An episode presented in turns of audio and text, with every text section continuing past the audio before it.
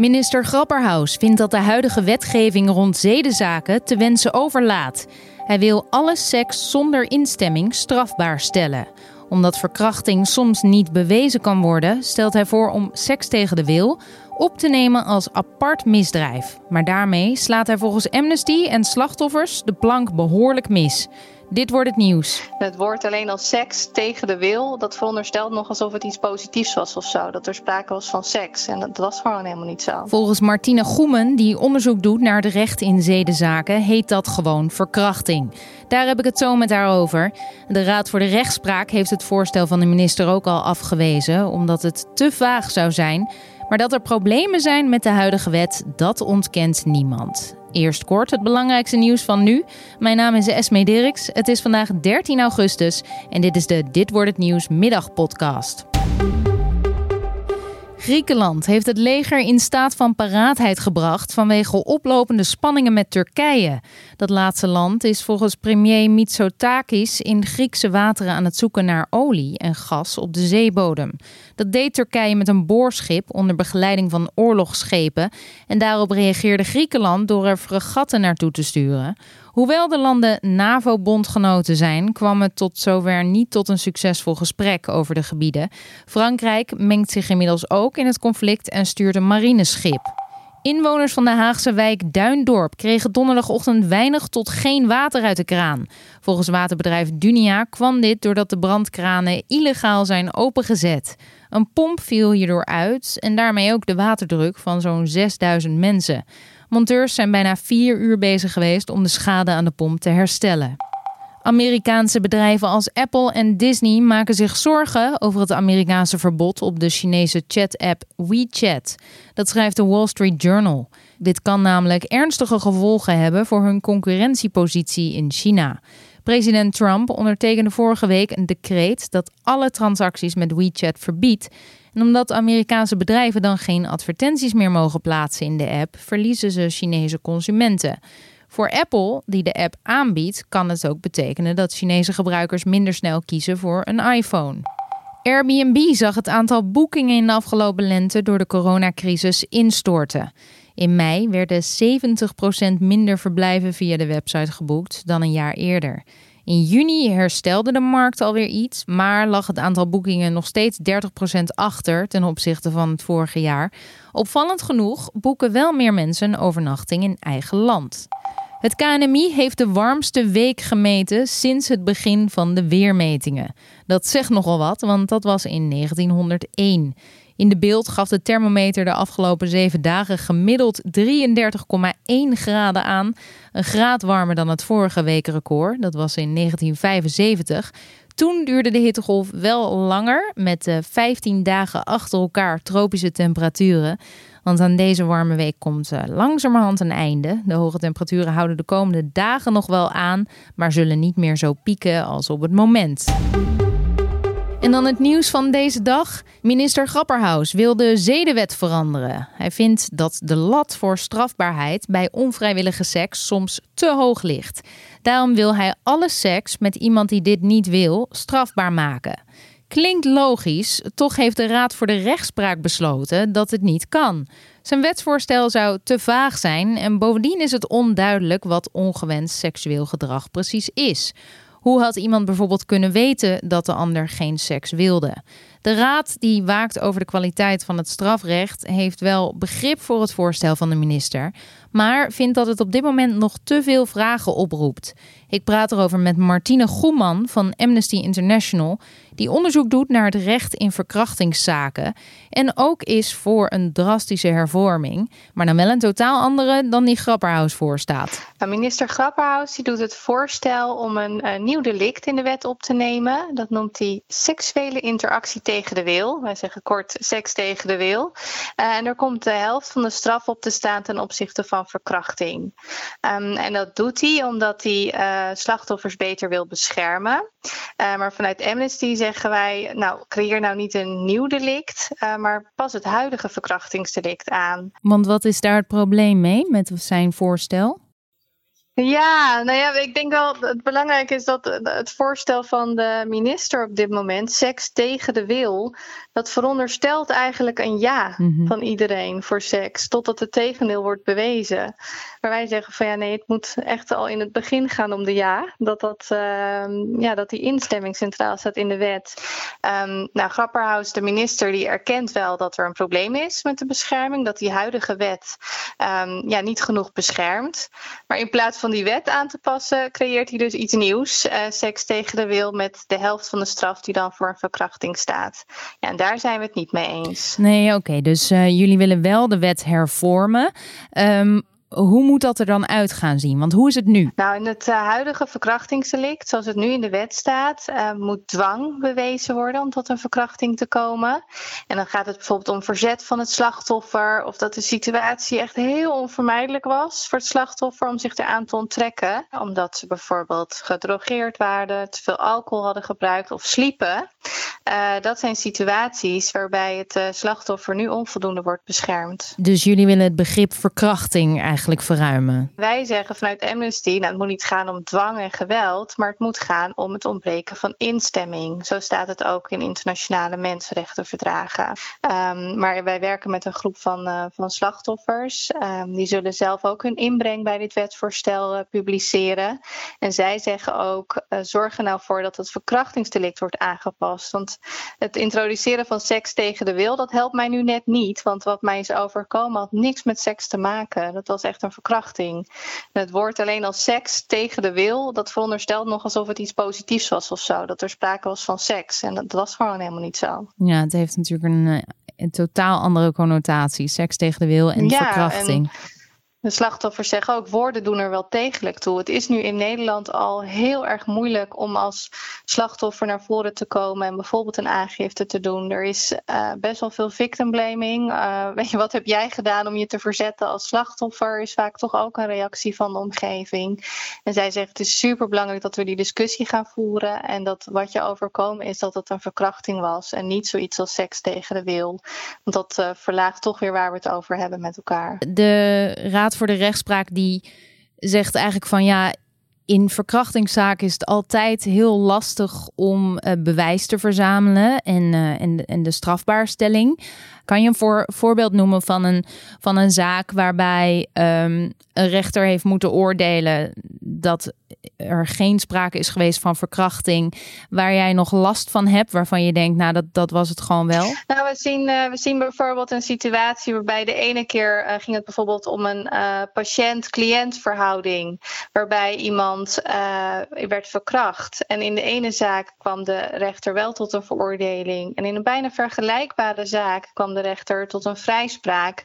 Dus de wet is op dit moment niet, niet duidelijk op dat terrein. En het ontbreken van instemming moet echt centraal staan, uh, zodat rechters daar ook veel meer mee kunnen werken. Rechters kunnen de wet niet aanpassen. In de wet staat op dit moment dwang centraal uh, om tot een uh, veroordeling te komen. Dus daar moeten zij iets mee als rechter. Maar betekent dat dan eigenlijk dat het strafrecht niet op orde is? Want strafrecht is nu niet duidelijk. Het is nu niet duidelijk en het ontbreken van instemming, zoals dat in de internationale mensenrechtenverdragen centraal staat, staat nu niet centraal in onze strafwet. Het is nu niet strafbaar als er als instemming ontbreekt bij seks. Maar is er dan ook een misverstand onder rechters? Omdat het lijkt alsof het dan dus best subjectief bepaald wordt. Als eh, die zaak die jij schetste, waarbij de ene rechter zegt nee en de andere rechter zegt ja. Um, dan lijkt het alsof er ruimte is voor interpretatie. er is op dit moment ruimte voor interpretatie, omdat we inderdaad verschillen zien hoe de rechters uh, huidige delicten uitleggen. Maar de rechters kunnen natuurlijk ook niet de hele wet aanpassen. Dus dat ontbreken van instemming waar Amnesty zo voor pleit om dat in de wet op te nemen, dat staat nu bij geen enkele rechter centraal, omdat ze het met de wet te doen hebben zoals die er nu is. En dan gaat het om dwang. En dat kan dus geweld zijn of verzet van het slachtoffer of een hele onvermijdelijke situatie uh, maar instemming staat nu niet centraal. Dus daar kunnen de rechters niet omheen. Maar het is denk ik belangrijk dat de regering de wetgeving zo duidelijk mogelijk maakt. Zodat rechters ook weten waar ze op moeten toetsen. Ja, en dat probeerde minister Grapperhaus ook te doen. Maar die sloeg dus wat jullie en uh, slachtoffers betreft de plank mis. Dat vond ook de Raad van de Rechtspraak. Die vond het voorstel te vaag. Wat is dan nu belangrijk? Nou, het is belangrijk dat nu bijvoorbeeld een evaluatie van de wetgeving in Zweden, waar uh, de wet wel gebaseerd is op het ontbreken van instemming, laat zien dat de rechters in meer zaken tot een veroordeling kwamen.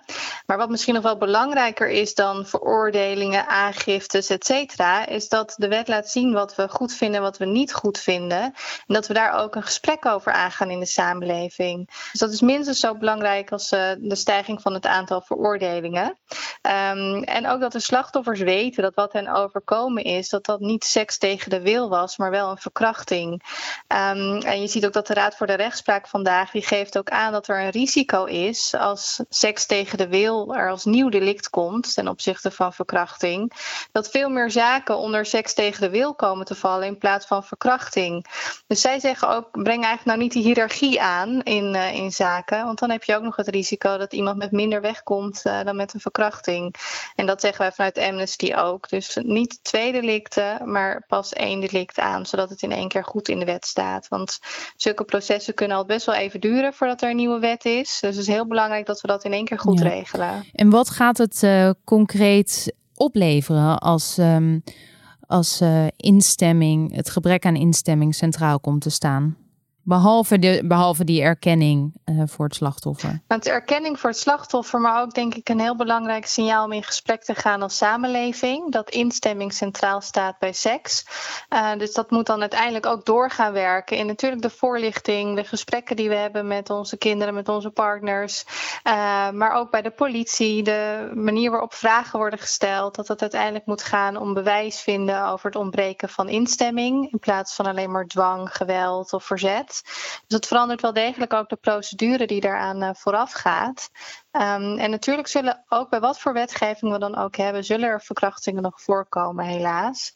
Uh, maar het is wel heel belangrijk om ook uh, jongeren bijvoorbeeld die hiermee in gesprek gaan met elkaar, van te overtuigen hoe belangrijk het is om te weten dat de ander ook wil wat jij wil. En dat als iemand dus dronken is, uh, et cetera, dat je er dan van af moet blijven.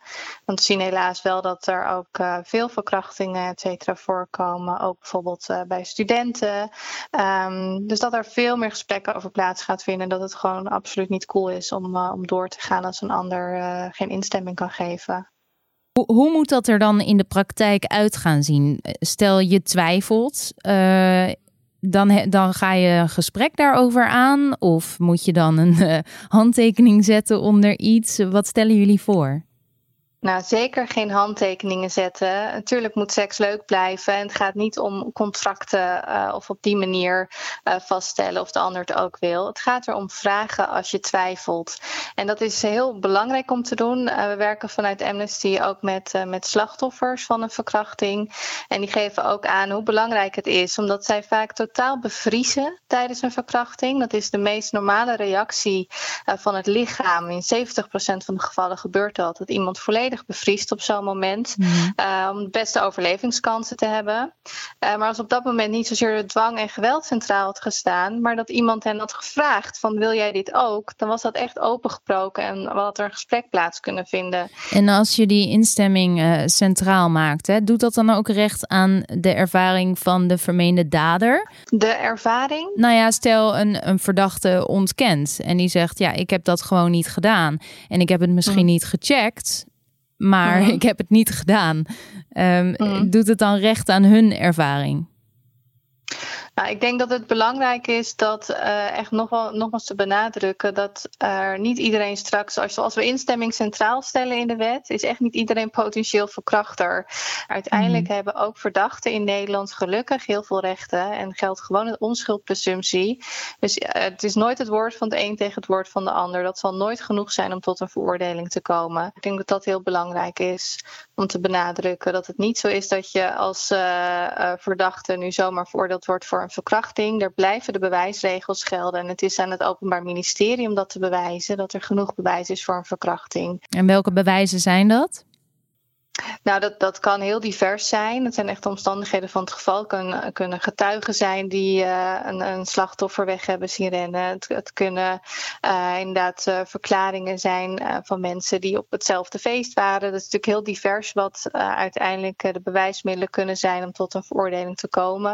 Maar het is nooit genoeg het woord van het een tegen het woord van de ander. Er zal altijd meer bij moeten zijn, hoe we de wet ook vormgeven. Ja, maar wat jullie betreft is het niet oké dat de bewijslast nu vooral bij de slachtoffers ligt. Ja, en, en wat de, de, slachtoffers die ik ook spreek, die willen natuurlijk gewoon vooral dat andere vrouwen niet hetzelfde overkomt. Het zijn vaak vrouwen, maar ook 3% van de mannen overkomt dit.